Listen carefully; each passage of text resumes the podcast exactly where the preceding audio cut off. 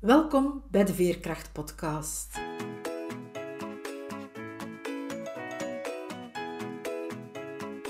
Ik ben Veerle Schaltien, levensverhalen en schrijfcoach. Met mijn bedrijf Wiebelwoorden trek ik voluit de kaart van veerkracht. Voor deze podcastreeks interview ik veerkrachtige vrouwen. Het zijn vrouwen zoals jij en ik, die soms wel eens het hoofd laten hangen maar die er vooral telkens opnieuw in slagen weer overeind te krabbelen, die telkens opnieuw de moed hebben om door te gaan, die ondanks alles ten volle in het leven staan en elke dag waardevol weten te maken. Hoe ze dat doen, vertellen ze je heel openhartig. Luister, snoep van hun woorden en laat je inspireren door hun verhalen, want als zij het kunnen, kan jij het ook. Dag Anouk, welkom. Dankjewel Veerle, dankjewel voor de uitnodiging voor ja, deze mooie podcast. Ik heb jou in september vorig jaar leren kennen. Dat was op een heel fijn weekend, een retreat die dat jouw zus Gwen georganiseerd heeft. En ondertussen ben jij ook mijn coach geworden. Ja. Maar kan jij jezelf ook eens voorstellen? Dat kan ik zeker. Nou, ik ben Anouk Barendrecht. Ik, ben, ik, ja, ik noem mezelf eigenlijk spiritueel business coach. En wat ik doe, is dat ik vrouwen help om hun unieke talenten en drijfveren om te zetten in ware superpowers. En daar hun leven en hun business omheen te bouwen. Dus ja, veel woorden, maar wat ik eigenlijk doe is vrouwen echt in hun ware kracht zetten, zodat ze eh, het leven kunnen gaan leven waarvoor ze geboren zijn. Omdat ik geloof dat iedere vrouw, ieder wezen, iedere ziel hier op aarde is hier uh, met een bepaald doel. Je bent hier om bepaalde lessen te leren, een bepaald doel te vervullen. En ja, het is echt mijn missie om andere vrouwen, met name vrouwen, te helpen hun levensmissie te gaan leven. Dus ja, dat is even in de notendop wat ik doe, wie ik ben. Ik ben 36 jaar, ik woon in Nederland met mijn gezin. Twee kindjes, twee dochters van 7 en 9 jaar. Ik ben een echt paardenmeisje. Ik heb twee ponies. Ja, we hebben die vlakbij huis staan, bij mijn vader thuis. Dus ik geniet echt heel erg van het buitenleven en dan echt ja, het vrije buitenleven. Dat is uh, waar ik heel erg blij en gelukkig van word. Ik zie jou ook altijd blij en gelukkig, zoals je zegt. Ik zie in jou een heel krachtige vrouw. Maar een post geleden toonde jij een foto van jezelf van een aantal jaren terug. En ik herkende jou daar niet op. En eigenlijk is dat ook wel de reden waarom ik je voor deze podcast uitgenodigd heb. Omdat ja, ik schrok daarvan dat je in een paar jaar tijd zo kan veranderen. ja, dankjewel. Nee, maar dat, dat is ook zo. En waar ik vandaan kom, het is voor mij helemaal niet vanzelfsprekend eigenlijk om altijd zo blij en, en gelukkig en enthousiast te zijn zoals jij mij omschrijft. Want ja, dat is wel echt hoe ik me nu voel. Ik ben echt, nou, natuurlijk niet iedere dag. Er zijn ook echt wel dagen dat ik een pestbui heb. Gebeurt niet heel vaak, maar die zijn er, weet je. Die horen er ook gewoon bij. Maar over het algemeen ben ik gewoon altijd blij en gelukkig. En die periode, of die foto die jij nu aanhaalt, dat is inderdaad een foto van een jaar of vijf, vijf, zes denk ik inmiddels alweer geleden. En in die periode was het hele leven niet zo leuk en luchtig en, en blij zoals, zoals nu mijn leven is. Op dat moment voelde ik me echt heel erg gevangen in het systeem. Ik, was in, ik zat in loondienst, ik had een baan in loondienst. Um, ik ben eigenlijk daar begonnen met werken bij de gemeente. Zo van, nou ja, weet je, dan heb ik in ieder geval iets. Dan ga ik van daaruit kijken wat ik echt wil, wat ik echt leuk vind. Ik ben afgestudeerd als eventmanager. Dat was toen tijd echt aan het begin van de crisis. Ik heb twee keer een baan gehad, zeg maar, als eventmanager. Echt wel een baan waarvan ik dacht, van, nou, dit is echt heel tof. Maar in beide gevallen ging dat een paar dagen voordat mijn contract in zou gaan, werd dat toch afgeblazen van hoger af. Van, nou ja, we, gaan nu geen nieuwe mensen aannemen, want we weten niet wat deze crisis gaat brengen. Dat heeft ertoe geresulteerd dat ik eigenlijk zeven maanden aan het solliciteren ben geweest. En op een gegeven moment echt op een fase kwam van nou, het maakt me niet, niet eens meer uit wat ik heb als ik maar werk heb. En dan ga ik van daaruit wel kijken ja, wat ik echt wil en waar ik echt gelukkig van word. Maar dat werd dus uh, uiteindelijk bijna tien jaar. ik ben bijna tien jaar dus in die baan blijven hangen. En, en het was niet, echt niet tien jaar lang uh, kommer en kwel eigenlijk. Dat was de laatste paar jaar wel. De eerste paar jaar was het ja, gewoon op zich een leuke gemeente waar ik werkte. Een hele kleine organisatie. kwam wel lekker tot mijn recht. Ik kon lekker ontwikkelen. Was ook een fijne plek om uh, mijn gezin te stichten. Vanuit die veiligheid van een vaste baan. Ik had relatief veel vrije tijd. Ik werkte parttime en echt wel een, een heel goed salaris voor het werk dat ik deed. Maar toch voelde ik van, nou, dit klopt niet voor mij. Dit is niet waar ik heel erg gelukkig van word. En eigenlijk na vijf jaar daar werken bij die kleine gemeente, ging de gemeente fuseren met een grote gemeente. uh, in mijn stageperiode had ik bij een gemeente gewerkt. En toen heb ik gezegd van, hè, na die stage, ik ga nooit meer bij een gemeente werken. Nou, dat was dus niet helemaal gelukt. Maar bij die kleine gemeente had ik helemaal niet dat gevoel van dat gemeentegevoel wat ik dus zeg maar bij de stage had. Maar dat had ik wel bij die gemeente waarmee onze gemeente ging fuseren. En dat was eigenlijk de periode. Ik was toen net weer voor de tweede keer moeder geworden. Ik kwam uit mijn verlof, zeg maar, in dus die nieuwe organisatie. En eigenlijk vanaf het eerste moment daar dacht ik, hell no. Ik, word hier zo onrustig van. Gewoon de manier van met mensen omgaan, met burgers, hè, klanten omgaan, met de bureaucratie. Alles druiste zo tegen mijn eigen natuur in, dat ik daar heel erg veel weerstand op ontwikkelde. En het liefst zou ik fulltime willen ondernemen op dat moment. Ik had toen ook al een onderneming, Moeder Natuurlijk. En met Moeder Natuurlijk hielp ik met name jonge en aanstaande moeders om hun kleintje te dragen met behulp van een ergonomisch draagsysteem.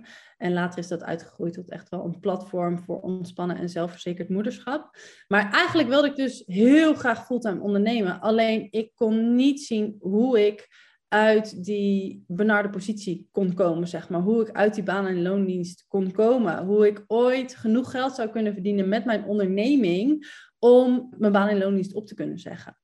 En dat was eigenlijk een hele lange intro, maar dit is eigenlijk, weet je, wat er aan vooraf is gegaan aan die foto die jij uh, dus aanhaalt.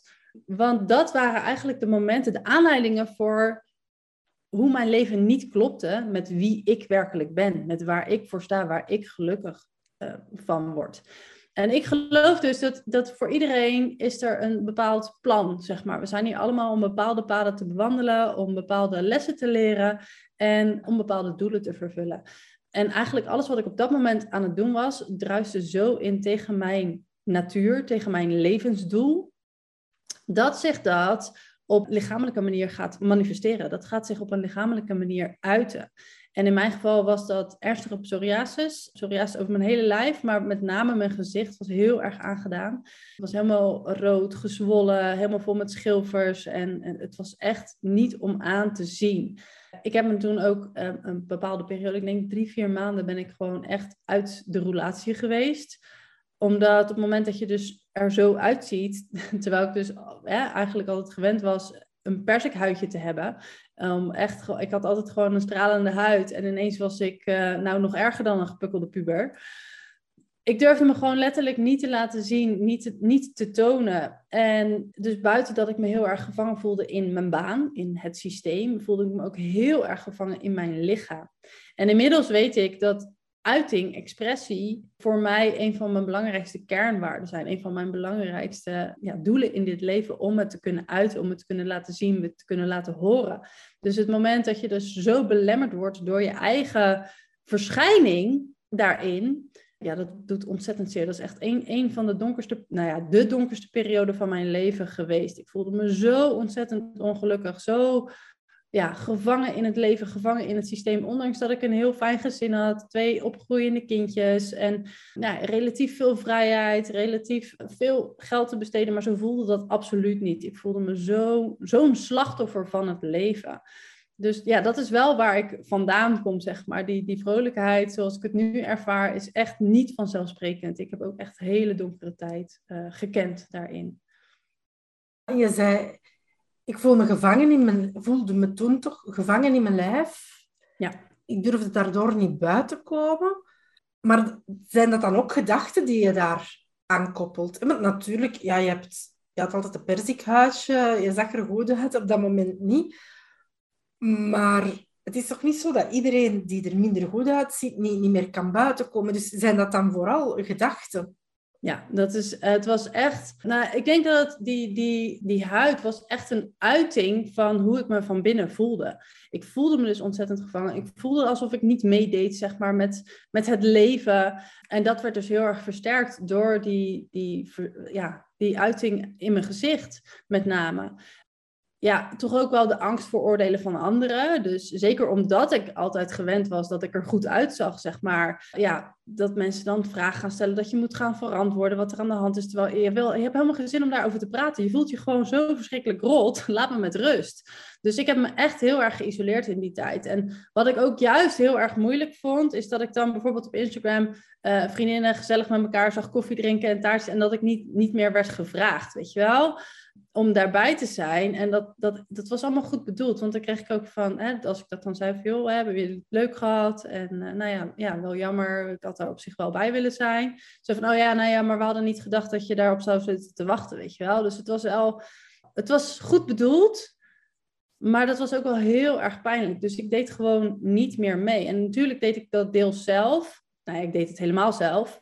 Door me zo te isoleren. En me daar zoveel van aan te trekken, zeg maar. Nou ja, zelfs naar de speeltuin gaan met de kinderen, dat was echt een opgave. Ik kan hier vandaan, zeg maar, vanuit de voortuin de speeltuin zien. Dus keek ik eerst of er geen andere ouders waren uh, of andere mensen waren. En dan ging ik wel met ze naar de speeltuin. Maar zodra er dan iemand aankwam, dan ging ik gewoon weer weg. Dan ging ik gewoon weer terug naar binnen. Ik wilde gewoon, ik wilde letterlijk niet gezien worden. En dat is natuurlijk puur van binnenuit. Dat is absoluut ook geen oordeel naar andere mensen. Maar ik wilde gewoon niet gezien worden met hoe ik er op dat moment uitzag. Dus ik heb echt die isolatie zelf opgezocht. Terwijl, ja, voor mij is dat dus alles, wat, waar, alles waar ik niet voor sta, zeg maar. Alles wat, wat voor mij belangrijk is vanuit mijn levensdoel, vanuit mijn purpose. Ja, dat liet ik aan me voorbij gaan. Alles wat het leven leuk maakt, liet ik aan me voorbij gaan, omdat ik niet gezien wilde worden. En hoe heb je daar dan een verandering kunnen inbrengen? Nou, praktisch gezien heeft uh, homeopathie me daar uh, heel goed doorheen geholpen. En dat is ook de periode geweest dat ik me wat meer ben gaan verdiepen in uh, spiritualiteit. En ja, in eerste instantie een beetje rondom de maan. En dat is ook wel iets waar wij met de paplepel mee zijn opgegroeid, zeg maar. Dat is ons met de paplepel ingegoten. Bij mijn moeder in de boekenkast staat echt, nou ja, het is een enorm boekenrek vol met spirituele boeken. Dus meestal ging ik eventjes bij mijn moeder inderdaad in de boekenkast kijken van oké, wat spreekt me aan? Om gewoon meer te leren over het leven. En ik was me op een ja, onbewust niveau denk ik toch wel bewust van het feit dat alles wat ik nu aan het doormaken was, dat dat iets is om van te leren. Dat, er iets, dat ik onderdeel was zeg maar, van een groter geheel. Dat dit, dit iets is wat opgelost moest worden. En ja, een moment dat voor mij ook heel veel verschil heeft gemaakt. Ik luisterde toen ook podcast. En dat was een podcast. Toen was ik inmiddels weer aan het werk. Die luisterde ik op de terugweg. Ik kan het moment nog zo voor me halen. En in die podcast vroeg zij: Oké, weet je, als er iets is in je leven wat niet naar je zin is, waarin je niet gelukkig bent, jij bent degene die het kan veranderen. Er is als er iets moet veranderen, ben jij degene die het moet veranderen. Er is niemand anders die het voor je gaat veranderen. Dus als er iets is dat moet veranderen, dan zou je dat echt zelf moeten doen. En de vraag die daarna kwam is: wat als je niets doet? Wat als jij niets verandert aan deze situatie? Hoe ziet je leven er dan over twee jaar, vijf jaar, tien jaar uit? En ik moest echt zo hard huilen. En het enige wat ik dacht was: hell no, dit gaat niet gebeuren. Ik weet niet hoe. Ik weet niet wanneer, maar ik moet hieruit. Ik moet hier echt zelf een einde aan maken. Dus dat moment in die auto, dat ik zo hard zat te brullen van nee, ik wil dit gewoon niet meer. Hier, hier moet een einde aankomen. Dat was eigenlijk het, het moment dat ik het besluit nam van dit moet anders. En vanaf dat moment nam dus eigenlijk mijn ontwikkeling ook echt wel een sprong. Want ik geloof nu ook dat besluit is essentieel voor je groei. Als je het besluit niet neemt voor een bepaalde verandering, kan je heel lang in een bepaalde situatie blijven hangen. Maar zodra jij het besluit neemt, dan is eigenlijk de weg al voor je geplaveid. Dan, dan, dan is het een kwestie van de juiste stappen ondernemen en dan ga je daaruit kunnen komen. Dus dat besluit heeft voor mij heel veel verschil gemaakt. Ik ben toen nog meer gaan duiken in een stukje spiritualiteit. Uh, toen kwam het levensdoelsysteem van Dan Millman ook op mijn pad. En daarin, ik gebruik dat zelf ook in mijn coaching, daarin wordt dus eigenlijk aan de hand van je geboortedatum een, een omschrijving gemaakt van wat jij hier op aarde komt doen, zeg maar. Wat jij, welke lessen je te leren hebt en welk doel jij te vervullen hebt. En toen ik dat las, toen dacht ik, oh, nu begrijp ik waarom ik deze lessen moet leren. Nu begrijp ik waarom uh, bepaalde situaties keer op keer op mijn pad komen. Nu begrijp ik uh, wat hier dus achter zit en waarom dit zo belangrijk is voor mijn ontwikkeling. En dus, nog belangrijker, wat ik kan doen om hier uit te komen. Dus dat is eigenlijk het moment geweest dat voor mij allerlei lichten aangingen. Dat er zoveel verlichting op mijn pad kwam, letterlijk en figuurlijk. En ik heb toen ook van degene, uh, tegen degene van wie ik die reading had gekregen, die levensdoelreading, van ja, ik, ik heb echt nog geen idee hoe, maar ik weet dat ik hier goud in handen heb. Ik weet dat, dat deze reading mijn leven letterlijk gaat veranderen. En ik had toen nog geen idee hoe, maar dat is dus ja, dat is echt gebeurd, zeg maar. Dus uh, ja, dat is eigenlijk uh, spirituele ontwikkeling. Het erkennen dat de lessen uh, of de, de gebeurtenissen die op mijn pad kwamen onderdeel zijn van belangrijke levenslessen die je te leren hebt in dit leven. Dat is eigenlijk wat mij daar doorheen heeft gekregen. En dat gaat dan eigenlijk op voor alles wat op je pad komt.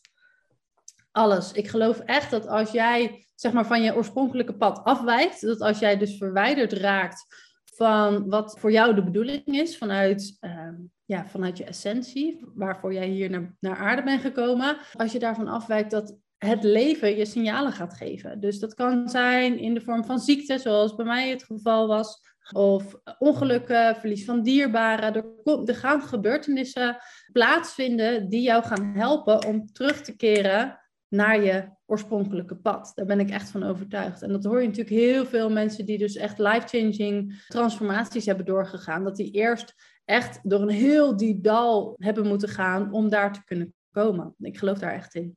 De vraag die mij daarbij te binnen schiet is van, maar wat als je die diepe dalen niet tegenkomt? Die zijn er altijd wel. En natuurlijk, ieder, de een ervaart dat ook op een heel veel heftigere manier dan een ander. Ik geloof wel, weet je, luister naar het fluisteren. En er zijn mensen die gewoon vanuit hun natuur heel goed zijn in het luisteren naar het fluisteren. Dus die onbewust de signalen die hun, in onderbewuste zeg maar, uh, uitzenden, opvolgen, zonder dat ze daar zelf over nadenken. En dat zijn dus ook mensen die niet per se heftige gebeurtenissen nodig hebben om hun levensmissie te kunnen leven. Uh, maar op het moment dat jij dus steeds opnieuw jouw innerlijke stem, zeg maar, jouw, het fluisteren negeert, uh, uit angst voor oordelen van anderen, uh, uit angst om te falen. Hè? Er zijn altijd angsten en, en met name afwijzing, waardoor je ervoor kiest om een ander pad te volgen dan wat je eigenlijk echt wil. Ja, dan zal het leven je moeten helpen om weer terug naar je oorspronkelijke pad te keren. Dus ik geloof wel, ja, ik heb ook een vriendin, weet je, voor haar lijkt altijd alles vanzelf te gaan. En ik heb dus ook wel eens afgevraagd van, nou ja, waarom, waarom, waarom zij wel, weet je wel? Waarom gaat het bij haar altijd... Maar zij is onbewust heel goed in afstemmen. Uh, afstemmen op wat voor haar de bedoeling is. En daar, ze, ze, twijfelt daar niet aan. En het interesseert er echt gereed wat anderen ervan vinden. Zij, zij bewandelt echt haar eigen pad. En dus is er veel meer, minder weerstand nodig dan wanneer jij steeds de fluisteringen negeert. Ja, dus ze heeft kleinere signalen nodig, omdat ze meteen al daarnaar kan luisteren. Ja, en hoe harder jij zegt uh, la la la la la, ja, zo, oren dicht, uh, vingers in je oren. En uh, ja, dan, dan zal het leven, weet je, op een gegeven moment stopt het met fluisteren en gaat het schreeuwen. En dat zijn dus echt wel de, de heftige gebeurtenissen die er dan op je pad komen. En sommige mensen die denken van ja, maar hè, dit, ik heb ik heb nooit fluisteringen gehad. Ik geloof daar niet in. Ik geloof dat je altijd wel aanwijzingen hebt gehad van het universum dat er een bepaalde verandering nodig is. En als je daar dus aan voorbij blijft gaan, ja, dan komen er gewoon heftige gebeurtenissen op je pad. Dat is onvermijdelijk. Dus uh, luister naar het fluisteren is gewoon echt de belangrijkste boodschap hierin. Als je niet naar dat fluisteren luistert, dan komen er denk ik ook allemaal belemmerende overtuigingen op je pad die je eigenlijk niet doen geloven van wat er allemaal mogelijk is voor jou. Is dat iets dat jij herkent van in die tijd dat jij het moeilijk had?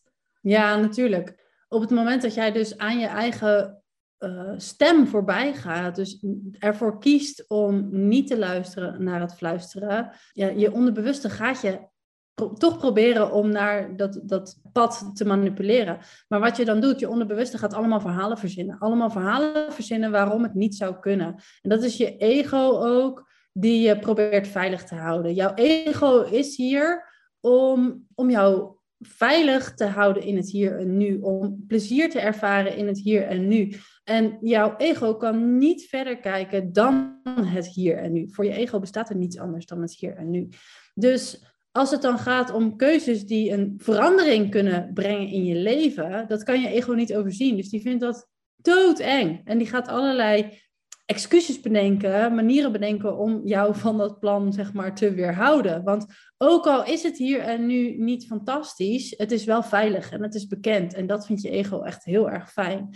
Dus als het plezier in het hier en nu staat centraal en een keuze waarbij je dus niet kan overzien wat de gevolgen zijn, dat staat voor je ego gelijk aan pijn.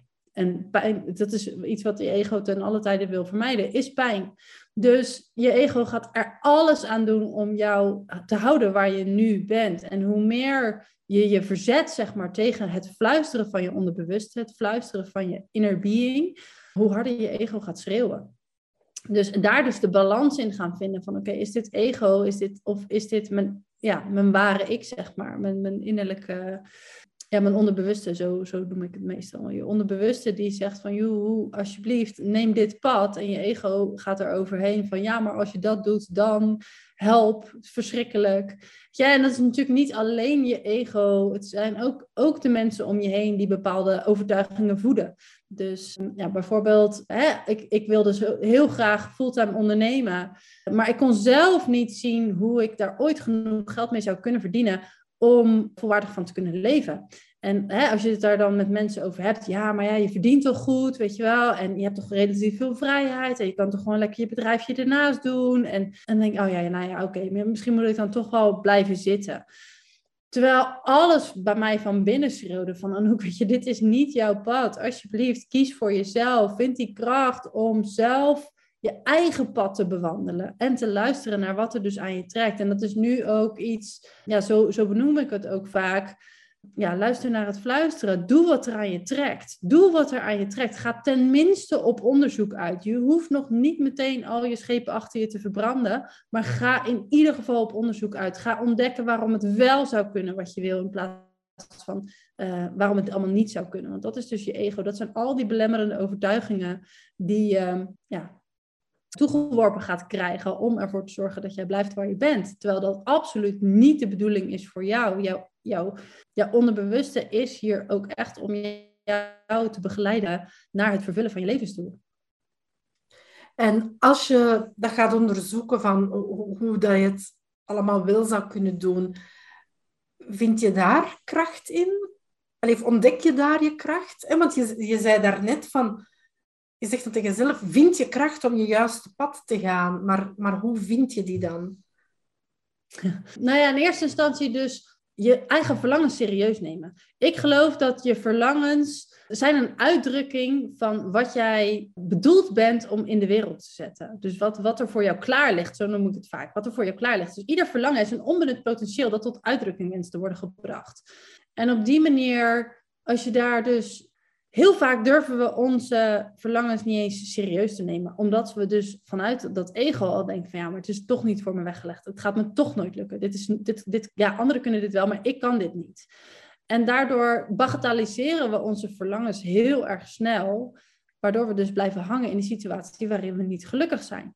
Maar op het moment dat jij je verlangens durft te gaan erkennen, dat jij durft te gaan voelen van wat er nou daadwerkelijk aan je trekt of waar je nou daadwerkelijk aan verlangt, dan gaan er al deuren open.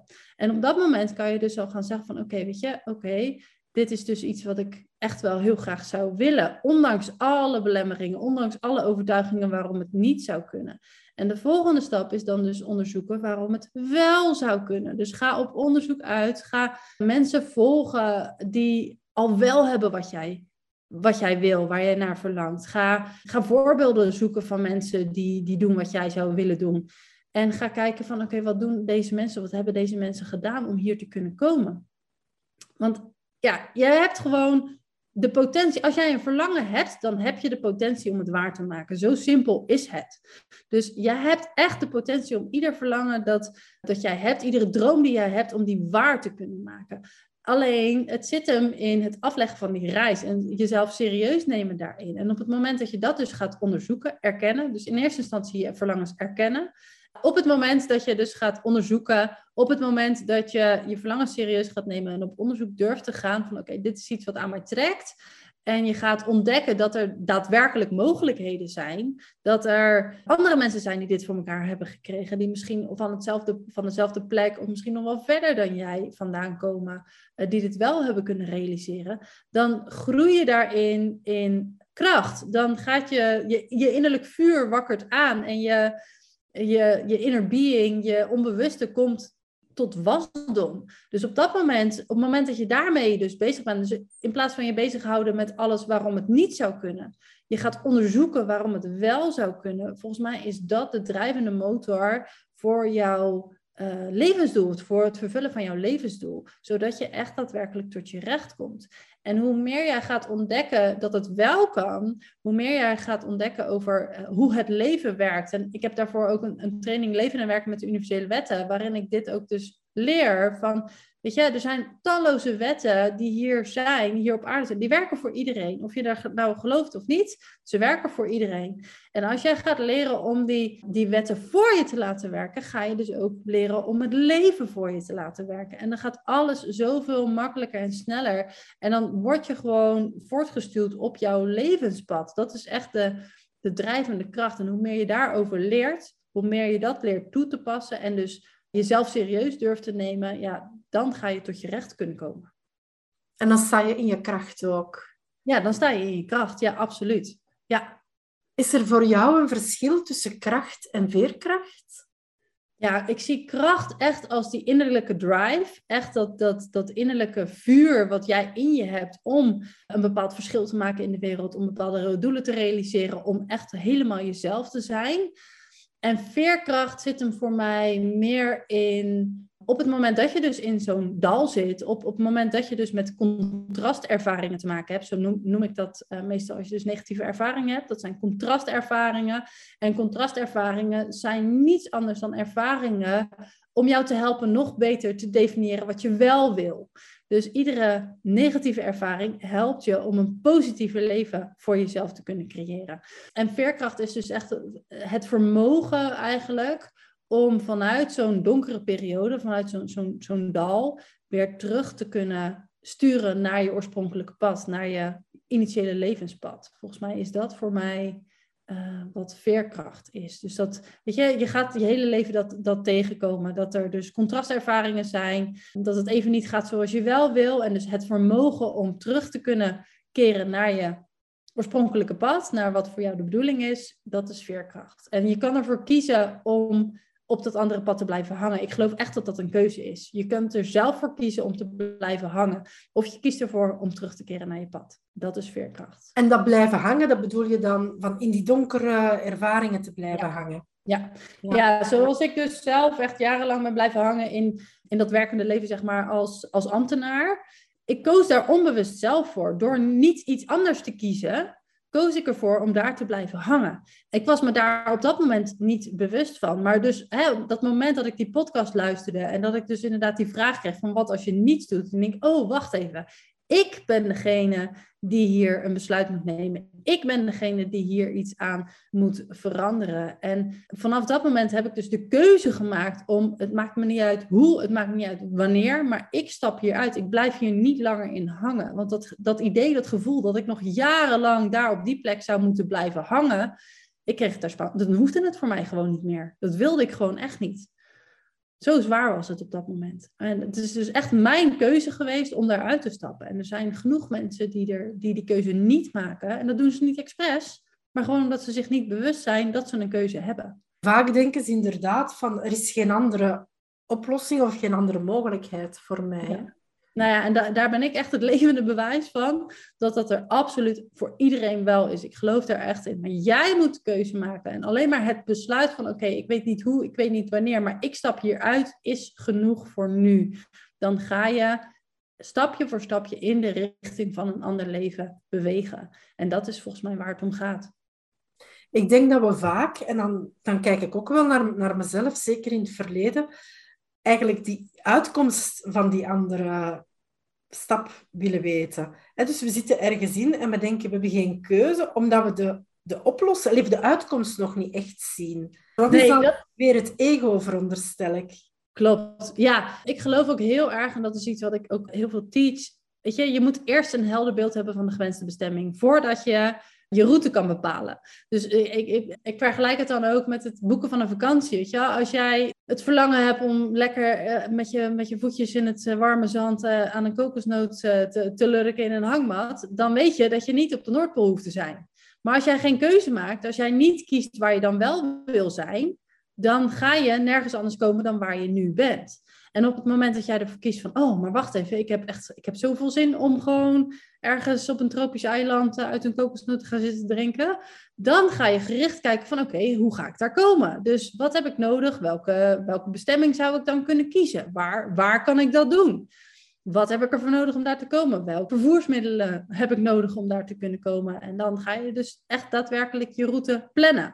En zo zie ik dit eigenlijk ook. Op het moment dat jij niet kiest om ergens anders te zijn dan waar je nu bent, waar je je nu bevindt in dus een situatie waarin je niet gelukkig bent, dan ga je er niet uit kunnen komen. Je zult echt zelf eerst een helder beeld moeten scheppen van de gewenste uitkomst. Waar wil je dan wel zijn?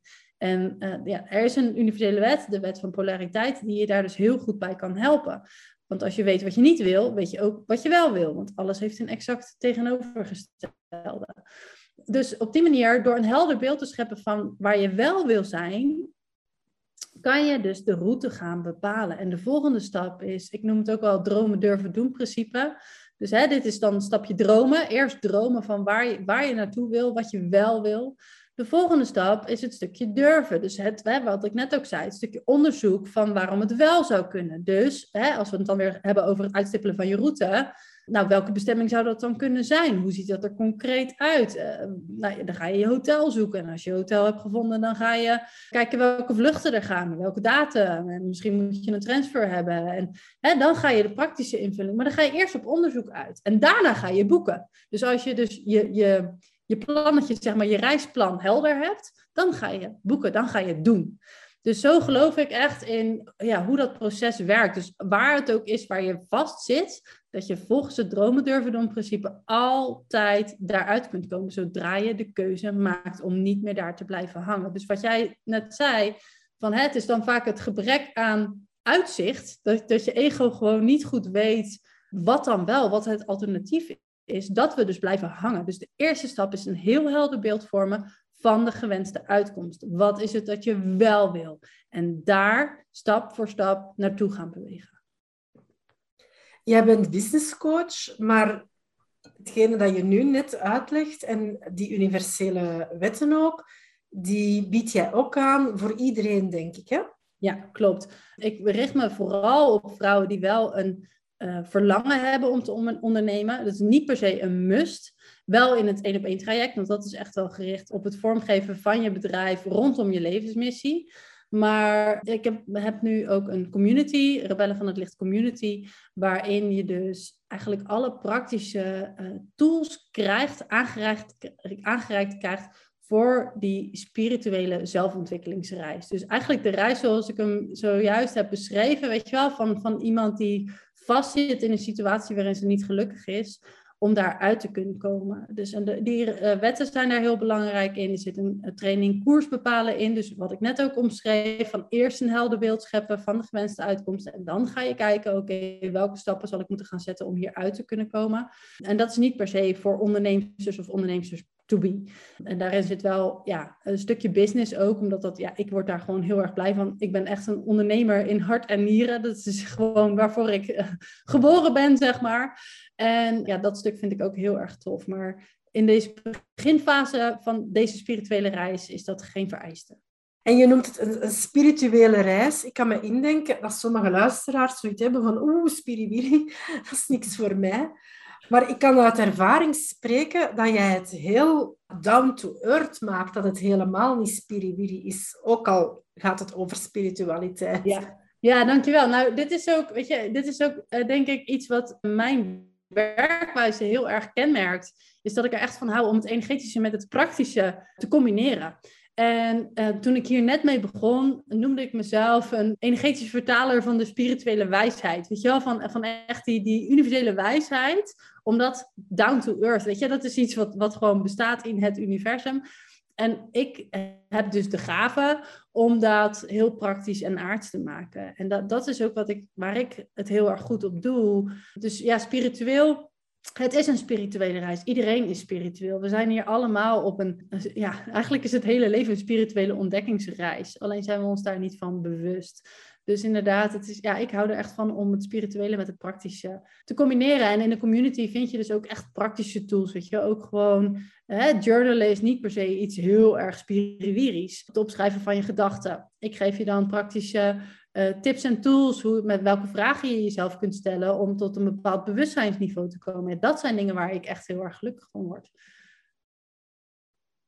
Heb jij tot slot nog een tip voor de luisteraars om veerkrachtiger in het leven te staan?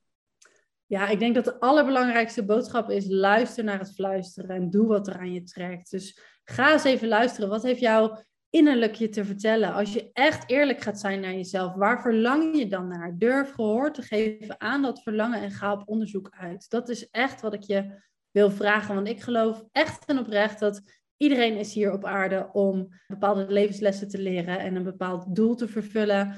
En ik geloof dat hoe meer mensen gaan doen waar ze zelf zielsgelukkig van worden en waar ze rete goed in zijn, uh, hoe mooier, lichter en liefde, liefdevoller de wereld zal zijn. Dus ja, hoe meer mensen er gelukkig zijn, hoe gelukkiger de hele wereld zal worden. Daar geloof ik in. En daarom doe ik wat ik doe.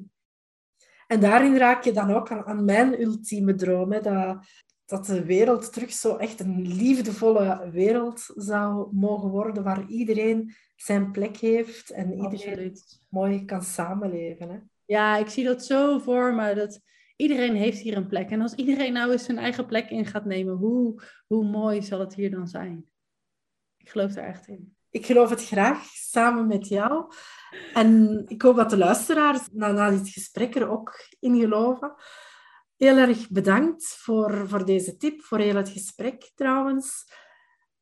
Jij bedankt voor de uitnodiging. Dat is heel graag gedaan. Met deze podcast wil ik mensen in hun veerkracht zetten. Daarvoor interview ik veerkrachtige vrouwen. Hun tips en ervaringen inspireren je als je het wat moeilijker hebt. Voor de volgende afleveringen ben ik op zoek naar mensen die hun verhaal willen delen. Ben jij of ken jij een veerkrachtige vrouw en wil je met me in gesprek gaan? Laat het me dan zeker weten via een berichtje op de Wiebelwoorden Instagram of Facebookpagina. Want hoe meer mensen wij inspireren, hoe meer mensen er in hun veerkracht staan, hoe mooier de wereld wordt. Je luisterde naar de Veerkracht-podcast. Hartelijk dank hiervoor. Hopelijk heb je even erg van dit veerkrachtige verhaal genoten als ik. Laat je er zeker door inspireren. Ben je benieuwd naar het volgende interview? Of wil je niks van deze podcastreeks missen? Surf dan naar www.wiebelwoorden.be of abonneer je nu meteen gratis op deze podcast via Spotify of een andere podcast-app. De montage van deze podcast was in handen van Johannes Veremans. Nogmaals dank voor het luisteren en graag tot de volgende aflevering.